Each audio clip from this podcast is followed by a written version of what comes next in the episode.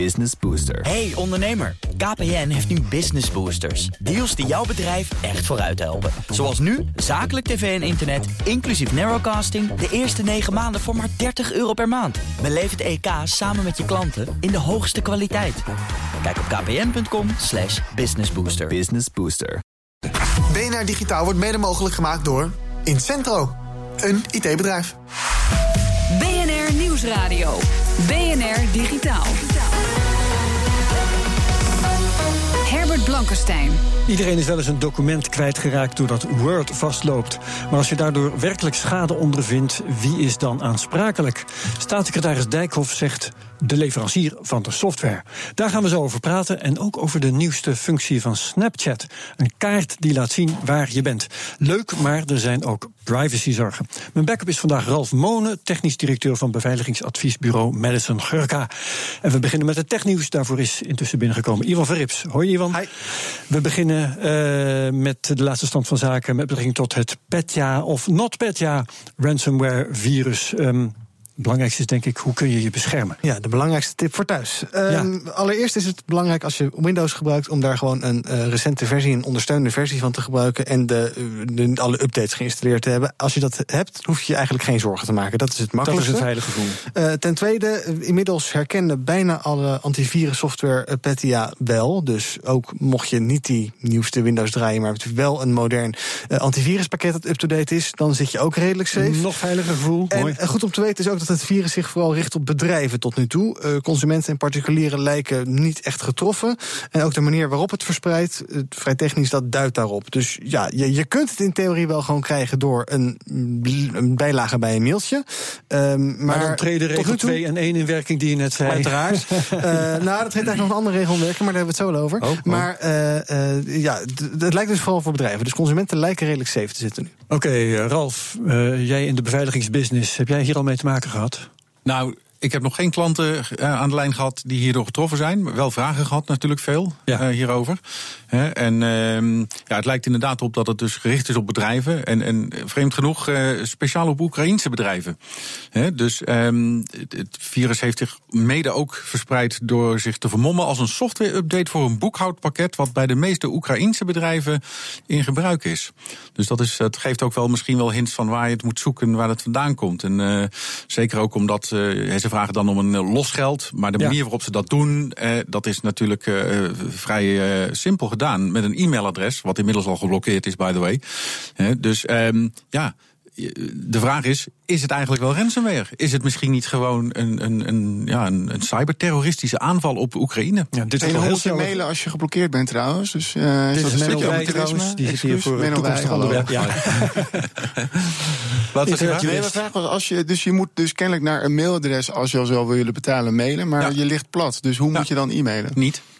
Niet. En zij liggen ook plat, want het e-mailadres is ook geblokkeerd. Ja. Dus uh, misschien vanaf je telefoon, vanaf een extra Gmail-adres. Ja, ja. Ik weet het niet. Maar in ieder geval, uh, het heeft ook dus geen zin om te betalen. Nee. nee. Oh, dat is mooi, want dat was de volgende vraag aan Iwan. Wat had jij daarover uh, ja, nou, net als in, heel, in de pijplijn zitten? Heel vaak geldt inderdaad hier ook niet betalen. En al zou je dat wel doen, dan weet je ook niet wie je daarmee nou eigenlijk steunt. En naar wie je dat geld nou overmaakt.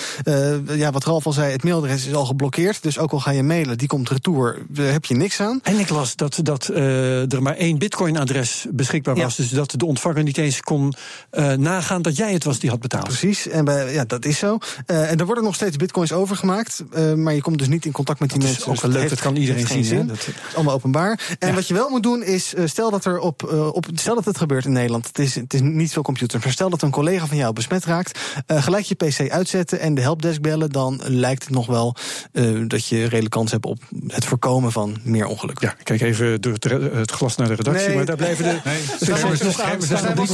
We staan gewoon uit, geloof ik. Ja, ja oké. Iwan, dankjewel. BNR Nieuwsradio. BNR Digitaal. Wie is er aansprakelijk als je schade oploopt, niet door virussen, maar door slecht werkende software? Of bijvoorbeeld omdat een bekend beveiligingslek niet gedicht is, ja, dan komen de virussen toch weer om de hoek kijken. Staatssecretaris Dijkhoff zei van de week de producent van de software is, dat, is dan aansprakelijk. En niet eerder is dat zo duidelijk uitgesproken. Daarover ga ik praten met Menno Wij. Hij was al te horen van Solf Advocaten. Hij is gespecialiseerd in IT. Uh, Menno, welkom. Dankjewel. Um, Een beetje flauw misschien. Uh, we hadden het voorbeeld al een paar keer bij de hand vandaag. Uh, als je uh, Word vastloopt, kun je dan Microsoft aanklagen? Ik, ik, denk het niet. Ik verwacht het niet om een of andere reden. Nou ja, de, het advocaat antwoord is ja, natuurlijk kan dat. Maar, ja, aanklagen kan altijd, maar krijg je ja. ook gelijk. nou, dat zal lastig zijn. Ja. kijk, wat Dijkhoff met name mist, vind ik, is de, de setting waarin dit gebeurt. Je hoorde net al dat uh, dit hele petja-fenomeen richt zich op bedrijven. En in Nederland is het nog altijd zo dat je uh, bij bedrijven kunnen onderling in principe afspreken wat ze willen. Dus daar geldt een vrije contractuele zeg maar, norm. En uh, het moet wel heel gek lopen, wil het contract zeg maar, doorbroken worden opzij gezet worden. Uh, dus leveranciers kunnen in principe hun positie keurig netjes beperken in contracten. En daar hebben ze ook alle, alle vrijheid in en alle recht toe. Ja. Uh, en dan is dat nog maar het begin, hè, dus puur het contractuele kader. Even buiten dat, heeft Dijkhoff in principe gelijk? Staat in, als je alleen maar even naar de wetgeving kijkt, is het dan inderdaad zo dat als software niet werkt en je hebt daardoor schade slecht ja. werkt, dat dan de maker aansprakelijk ja. is? Hij heeft gelijk in zijn brief waarin hij gewoon even heel theoretisch de grondslagen aangeeft. En mij bekroop een beetje dat mijn eerste lesje rechten toen ik uh, in Leiden ging studeren, kreeg ik dit ook te horen. Dus het is echt de theorie met, nou we hebben een grondslag, het contract, of er is misschien productaansprakelijkheid, of misschien onrechtmatig handelen. Maar het staat totaal, maar dan ook totaal los van de praktijk. De praktijk werkt zo niet. Dus het is een soort basislesje waar je helemaal niets mee kan. Ja, buiten dat, als ik even uh, ja. mag invallen. Kijk, eh, heel veel ligt natuurlijk ook gewoon aan de manier waarop het gemaakt is. Hè, waarop het geïmplementeerd is. En je kan een, een, stel je voor, je hebt een, gewoon een heel grote infrastructuur met allemaal computers en servers. Um, die kan je goed bouwen en die kan je slecht bouwen. Ja. En waar ligt dan die grens? Ik vind dat heel moeilijk aan te geven en, en dat is een enorm groot grijs gebied. En een lek, ja, dat zegt op zich nog niet eens zoveel. Ik bedoel, je kan ook iets bouwen dat het lek wordt. Ja. Zonder dat het in het product zit. Maar je weet, ja, het, je kan het goed bouwen of slecht bouwen. Ja, nee, maar dit, en, en ik heb het gevoel dat er een beetje een soort, naar een soort van risicoaansprakelijkheid. Uh, dat dat wordt gesuggereerd. Van, nou, dan moeten we maar met z'n allen de schuld bij de software-industrie leggen. Ik vind dat een beetje makkelijk. Ja, want soms heb je natuurlijk ook, dan is dat de, een, een, probleem in de software er misschien wel. Maar dan heeft bovendien een persoon verkeerd geklikt. Ook nog iets verkeerds ja. gedaan, wat die best had kunnen. Dus nou ja, wie... WannaCry hè, is gewoon. Ja. Uh, nee, sorry, niet WannaCry. Deze volgens mij Petja is phishing geweest. Hè? Gewoon een. Uh, de, nou, ook, dat heb ik wel. verschillende manieren dus. dus de zwakste schakel zijn wij. En uh, inderdaad, hè, ik klik op een linkje. Ja, ga je dan Outlook, althans Microsoft, aansprakelijk stellen? Want ja, door jou kan, kan ik e-mailen en door jou heb ik nu op iets geklikt. Dat, nee, natuurlijk niet. Het is gewoon je eigen verantwoordelijkheid. Maar jij zei daarnet, uh, ja, uh, volgens les, uh, voor het eerste college bij rechten heeft Dijkhoff dan wel gelijk, maar verder eigenlijk niet. Maar dat zei je er ook bij, dat geldt voor bedrijven onderling. Die kunnen van alles regelen en dichttimmeren in hun contracten. Dat geldt niet voor particulieren. Dus dan ben ik toch opeens weer die gebruiker van Word. Ja. En hoe zit het dan? Uh, ja, oké, een vastloper, een half uurtje werken tot daar toe ga je geen rechtszaak voor aanspannen. Maar stel nou dat er iets gebeurt waardoor ik grotere schade krijg. Ja, nee, consumenten zijn absoluut beter beschermd. Uh, ook vanuit he, die productaansprakelijkheid, ook vanuit onrechtmatigheid. Uh, dus daar zal je makkelijker de hobbel om nou ja, he, iemand überhaupt te kunnen aanspreken en een grondslag te hebben voor je schade, kan je echt wel makkelijker nemen. Maar de drempel om het feitelijk te doen is natuurlijk wel weer hoger. Voor daar, uh, jij in je, een beetje Goliath-David-achtig iets. He, je gaat ja. niet zo makkelijk in je uppie tegen zo'n grote reus knokken. dus dan zou het kunnen zijn dat er een handhaver is, ACM bijvoorbeeld bijvoorbeeld doet wel iets met consumentenbescherming. Nou, heb ik nog niet, zo, nog niet voorbij zien komen. Consumentenbond heeft het wel een keer geprobeerd. He, maar zal ook niet elke dag uh, dit soort uh, procedures gaan optuigen. Uh, dus ook daar ja. weer weinig realiteitszin. Ja, ja. ja. Um, over realiteitszin gesproken, in veel gebruikersvoorwaarden hebben we het bij BNR volgens mij echt, echt wel vaak over gehad. Daar wordt dat alles schijnbaar dichtgetimmerd. Er staat mm -hmm. alle, we wijzen alle aansprakelijkheid af en dat soort zaken. Um, voor alle zekerheid zijn die bepalingen rechtsgeldig. Ja, en nogmaals, in beginsel wel. Hè. Dus consumenten worden. Ik heb ook wel eens anders gehoord, namelijk. Ja, nou, er, is, er zijn zogenaamde zwarte en grijze lijstbepalingen. Uh, onerous terms worden ze ook in het Engels genoemd. Uh, en een voorbeeld is hè, de beperking van de aansprakelijkheid, of het helemaal uitsluiten, is iets wat op die zwarte lijst staat. Maar ook daar weer, er zijn af en toe wel uitzonderingen weer denkbaar. Uh, maar in de meeste gevallen is het niet helemaal 100% uitgesloten. Dus wordt er best slim uh, omgegaan met hè, waar wordt consumentenrechtelijk de grens getrokken. Nou, dan accepteer je een klein beetje aansprakelijkheid. Maar het zou heel goed kunnen dat die inderdaad niet in verhouding staat tot de schade die je potentieel leidt. Ja. En dan heb ik het dus nog niet gehad over zit er überhaupt zeg maar, een stukje verwijtbaarheid, wij noemen dat dan weer toerekenbaarheid naar die softwareproducent. Wat is dan je schade? Uh, valt die schade ook weer wel of niet onder contract? Hoe ver weg ligt die schade? Hoe verder zeg maar, ten aanzien van het gevolg, de oorzaak, nou, hoe minder reëel dat je er ook weer voor aansprakelijk bent. En dan kan ik nog wel een uur doorgaan. Dus er zijn heel veel hobbeltjes waar je nog doorheen moet. Wat wil jij zeggen, Elf? Nou, ik, ik, kijk, dat zijn natuurlijk heel veel grijze gebieden, maar ik zoek ook af en toe naar, naar zo'n zwart-wit gebied. Hè. Ik heb uh, zelf toevallig van de week een, een issue gehad. Ik had een software-update op mijn Android-telefoon. En die heeft die Android-telefoon gebrikt.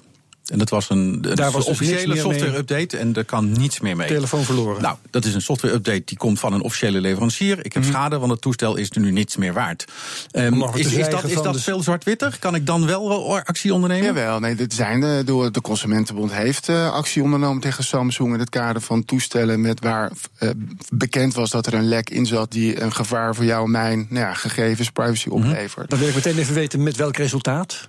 Uh, moet ik overigens even bij vermelden dat ik daar ook betrokkenheid had vanuit ons kantoor. Dat oh, wel even zo netjes. Dat was een kort geding. Uh, De uitkomst van het kort geding, zoals ik het zie, is: ik vind het iets te ingewikkeld als kort gedingrechter mag. Volgens mij loopt daar nog een bodemprocedure, dat weet ik niet. Uh, maar het feit dat een kort gedingrechter al die vraag niet zo makkelijk te beantwoorden vond, geeft alweer aan dat die theorie met die drie alinea's van Dijkhoff. Ja, ja, het is echt, en dat is niet flauwe advocatentaal van het kan het kan vries, het kan door. Het ligt echt wel een stukje complexer. En uh, ik sluit er niet helemaal uit dat toen er verder de staatssecretaris een beetje zijn eigen straatje in het schoonvegen is. Want WannaCry, dat wilde ik net zeggen, is bekend dat dat door de Amerikaanse inlichtingendiensten in verkeerde handen is gekomen. En er ligt wel een wetsvoorstel, ook in Nederland, dat de Nederlandse inlichtingendiensten uh, lekken zeg maar, niet hoeven te melden, omdat dat vanuit staatsveiligheid handig is. Maar als het dan misgaat omdat zij het lekken dan is dat makkelijk om de software-industrie aan te wijzen, zeg ik dan maar even voorzichtig. Ja, ja, ja. Um, ik heb ook wel eens het verweer gehoord um, dat, dat softwaremakers dit allemaal dichttimmeren. Is begrijpelijk, want software kun je niet perfect maken. En dan, uh, als ze dan aansprakelijk zouden zijn, dan zouden ze geen business meer kunnen doen. Hoe zit dat? Nou, weet je, er wordt gelet op je eigen aansprakelijkheidsrisico's. Maar dan denk ik, uh, als je een auto koopt, speelt dat ook. Hè? Dus als je een wasmachine koopt, speelt dat ook. Dus laten we nou niet doen alsof software iets uh, zo bijzonder anders is en zoveel enger is dan allerlei bedoel. Een heleboel bedrijven hebben gewoon voorwaarden waarin zij proberen om hun risico's, juridische risico's, in te perken. Of het nou naar bedrijven of consumenten is. Dus, um, en, en dat foutloze software niet bestaat, ja, dat klopt. Ja. Oké, dankjewel. Daar gaan we vrede mee hebben. Dankjewel Menno Wij van Solf Advocaten. Na hardware en software stapt Apple nu ook in content, tv-series. Maar dat is nog niet een doorslaand succes. Hoor je zo. BNR Nieuwsradio. BNR Digitaal. Apple maakt tegenwoordig eigen tv-series. De eerste heet, jawel, Planet of the Apps. Maar niet iedereen is enthousiast, to put it mildly, zag redacteur Ivan Verrips. This is Apple's first original series, a TV show about apps that you watch inside of Apple Music. A music app. On Apple's show, entrepreneurs pitch apps for Apple products and are selected to go on to the next round by judges who select yes or no on an Apple iPad. Een soort talentenjacht voor apps dus. Brein achter deze show is Apple's Eddie Q. De show begint met een heuse elevator pitch, alleen dan op een roltrap, een escalator pitch dus. Veel critici haten de show. With comments like a bland, tepid, barely competent knockoff of Shark Tank won't be fun to watch for anyone. I found it tedious to watch. In de jury van Planet of the Apps zitten grote namen als Will.i.am, Jessica Alba en Gwyneth Paltrow. Maar of je nou iets aan de tips van bijvoorbeeld Will.i.am hebt, moi. Here, Will.i.am joins forces with a contestant named Sunny. Sunny developed an app that uses your fitness data to determine the health of a Tamagotchi-style virtual pet. Will had a lot of ideas. We record the battle. The kuka, kuka. Can I talk to my fox? Uh, not yet, but... No, no, no, I'm not talking about that. I want to talk to my box. En uiteindelijk heeft Sonny vrij weinig aan die adviezen. So Sonny works his ass off and meets all of Will's demands, only to be backed into a corner and asked to bring Will on as a co-founder. Half of the product roadmap ideations seem to come from Will. With that, we would like Will to come on board as a co-founder. De app met het virtuele vosje is uitgebracht, maar de reviews zijn vrij waardeloos. En ook creativiteit wordt niet echt aangemoedigd. Ervaarde ontwikkelaar Andrew Comendo. Comendo's app is an interface for using augmented reality to put virtual furniture in a room. But the judges convince him to change his business model and take his underlying AR technology and license it to other businesses. You could also use this for fashion. Would you be open at all to really thinking about a B2B environment, not just a consumer play? Misschien nog wel het meest hilarisch. Planet of the Apps was aangekondigd als een app. Maar die app is nergens te vinden. Instead, the show is just a linear reality TV show inside of a music app.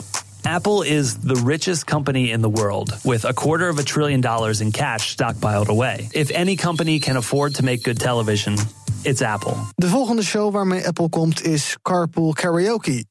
Maar gaat dat een succes worden? Apple recently hired two high profile executives from Sony Pictures Television. And if they're serious, they should cancel these two shows from unhinged dad Eddie Q and start by investing in quality television the way Netflix and Amazon did.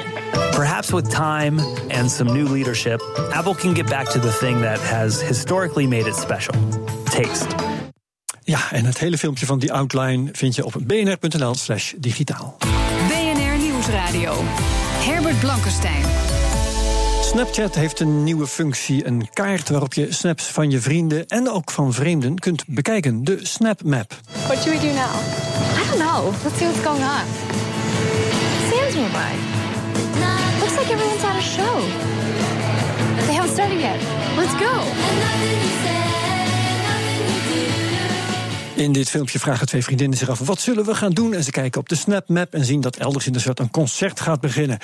Klinkt leuk, maar er zijn ook privacyzorgen over die SnapMap. De app update namelijk elke keer dat je Snapchat opent je locatie. En daardoor ben je misschien wel ongewild tot op de meter nauwkeurig te volgen.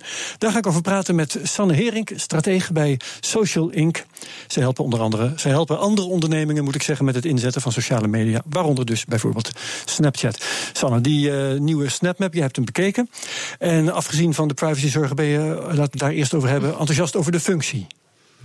Ja, ik, nou ja, ik ben door de snapmaps heen gegaan. Mhm. En um, als we het dan hebben over uh, ontdekken wat er te doen is en wat er speelt. Je kunt dus wel zeg maar overal ter wereld uh, uh, rondscrollen. En ik was gisteren bijvoorbeeld op de Gay Pride in New York. En ik was in Mekka. En bij een handbaltoernooi op de Malediven met allemaal dames. Um, die functionaliteit en dat het gaat om het event en wat op dat moment gebeurt en dat je erbij kunt zijn. Dat vind ik heel tof. Ja. Ook leuk dat het daarin niet per se om de afzender gaat. Hè. Dus het is geen ego-show. Iedereen kan bijdragen door snaps te delen in ons verhaal van Snapchat.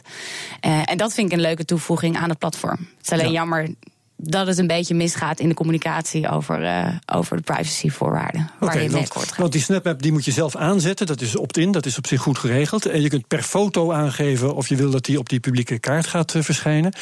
Maar het is blijkbaar niet zo duidelijk um, dat elke keer dat je die app opent, je locatie wordt uh, geüpdate. Je, je bent het mee, ermee eens dat dat wat zorgelijk is. Ja, dat, dat ben ik met je eens. Ja. Um, Gaat, gaan, gaan ze het aanpassen, denk je? Uh, er zal kritiek komen, er is kritiek, dat is, dat is bekend. Dat is, ja, dat, ik denk dat ze dat wel gaan doen. Uh, want het is niet de eerste keer dat ze kritiek krijgen op uh, in ieder geval hoe ze de communicatie aanpakken hieromheen. Um, kijk, er zit ook nergens een knop uh, lees meer, wat betekent dit precies? Dus he, je, je, denkt dat je in controle bent en dat je kiest voor oké, okay, ik laat het niemand zien, of alleen mijn vrienden, of een kleine selectie. Ja. Um, maar je verwacht dan dat dat van toepassing is op wanneer je besluit uh, bij te dragen aan ons verhaal van Snapchat. Dus echt je verhaal op de kaart te zetten. En inderdaad, dat, je, dat mensen precies kunnen zien, echt tot op het detail, uh, huisadres, uh, nauwkeurig waar je bent. Ik heb het gisteren ook bij een aantal vrienden kunnen bekijken.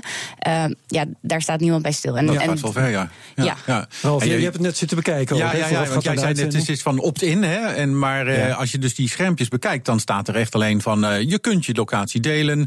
Uh, klik hier om het alleen te delen met je vrienden. Of laten. Maar er staat nergens inderdaad van ik geef hierbij toestemming. En dat is allemaal impliciet. En wat het betekent, of lees meer, of de voorwaarden, waaronder dat gebeurt, staat er allemaal niet in. Dus volgens mij is dit gewoon helemaal illegaal. Want er komt zometeen de Europese eh, GDPR aan. En daar zijn dat soort dingen gewoon keihard geregeld. GDPR, General Data Protection, Regulation. Ja, dus de Europese privacywetgeving of databeschermingswetgeving die er straks aankomt. En volgens mij mag het gewoon helemaal niet. Is hier ook nog internetjurist? Jij zegt ze gaan nat. Ja, nee. Eh, de, de, eh, onze Nederlandse waakhond, de autoriteit persoonsgegevens, heeft nog niet zo heel lang geleden een dik rapport over Facebook uh, opgeschreven.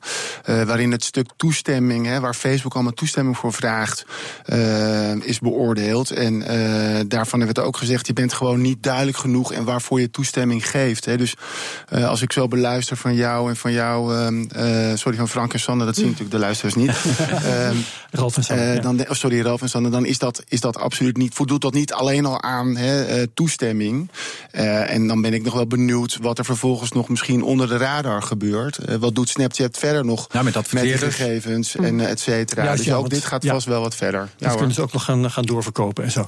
Um, toch, Sanne, um, Snapchat is begonnen als het bedrijf uh, met een app die heel sterk was in privacy. Want de dingen die je verstuurde, die verdwenen heel snel. Ja. Intussen doen ze van alles en nog wat. Uh, stories, uh, mijn verhaal. Ze doen nieuws in de Discover app. Ze verkopen van die brillen waarmee je foto's kunt maken en online zetten. Maakt, maken al die uitbreidingen Snapchat in jouw ogen nou sterker of zwakker? Nou, ik denk um, waar ik echt van onder de indruk ben, is dat uh, Snapchat uh, in plaats van zich te positioneren als een sociaal netwerk, uh, zich op dit moment neerzet als een hardware bedrijf. Ja, ja met die brillen en ja. camera's. Een camera company noemen ja, ze geloof ik. Een ja. camera company, een creative camera company. En um, ze zijn die markt echt aan het verkennen. En um, je kunt zeggen wat je wil over een Facebook, die natuurlijk veel groter is. Uh, en veel meer resources heeft om ook heel snel dingen te ontwikkelen. Hè. Dat doen ze ook als een malle. Het kopiëren van alle functies van, uh, van Snapchat. Uh, maar, maar Snapchat zat er als eerste in. En stiekem heeft Snapchat heel veel invloed gehad. Bijvoorbeeld ook um, op een YouTube. Uh, die nu dus ook verticale video's gaat aanbieden. En ik denk Juist. wel, zolang Snapchat op het cameravlak die voorloper blijft die ze nu zijn en dat naar de massa weten te brengen. En die creatieve grondslag die ze altijd hebben gehad, versus de meer uh, techie developer grondslag van Facebook. Ja. Uh, en dat gecombineerd met een hele trouwe uh, gebruikersbase dan denk ik echt dat er nog veel potentie in zit. Maar ja. ik weet ook hè, dat de cijfers op dit moment, hè, beleggers worden een beetje nerveus. Ja, de, de koers is niet om over naar huis te schrijven. Hè. Die is intussen ja. geloof ik onder de uitgiftekoers gezakt. Ja, ja, dat weet ik ook. Maar ik, ik durf wel te zeggen dat misschien de concurrentie niet eens zozeer gaat zijn on the long run tussen uh, Snapchat en bijvoorbeeld Facebook. Maar misschien wel tussen uh, uh, tv en uiteindelijk een, Snapchat en een Facebook bij elkaar. Ah ja, ja. maar um, ik wil toch een vraag stellen over Snapchat zelf. Voor welk soort bedrijven is Snapchat nou een geschikt medium, gegeven wat ze doen? Nou, ik denk dat, dat uh, als je kijkt naar de gebruikersbase. Uh, zelf heeft Snapchat uh, vorige week in Cannes aangegeven dat 25% ongeveer jonger is dan 18 jaar. heel veel merken hadden altijd de indruk dat dat een veel grotere groep was. maar er zitten ook heel veel twintigers en steeds meer dertigers op. Um, en als je ziet dat ze nu um, bij Adidas hebben ze. moet ik even nadenken cijfertje opzoeken? Ja, ik weet het niet meer uit mijn hoofd, maar miljoenen uh, losgepeuterd. En ook recent nog um, 100 miljoen bij Time Warner om 10 shows daar te gaan maken. Uh, dus ze zit wel heel erg op video en op exclusieve mooie content. Heel uh, kort nog, omdat de tijd zo'n beetje op is. Gaan ze het redden tegenover Facebook en zoals jij zegt, tegenover tv?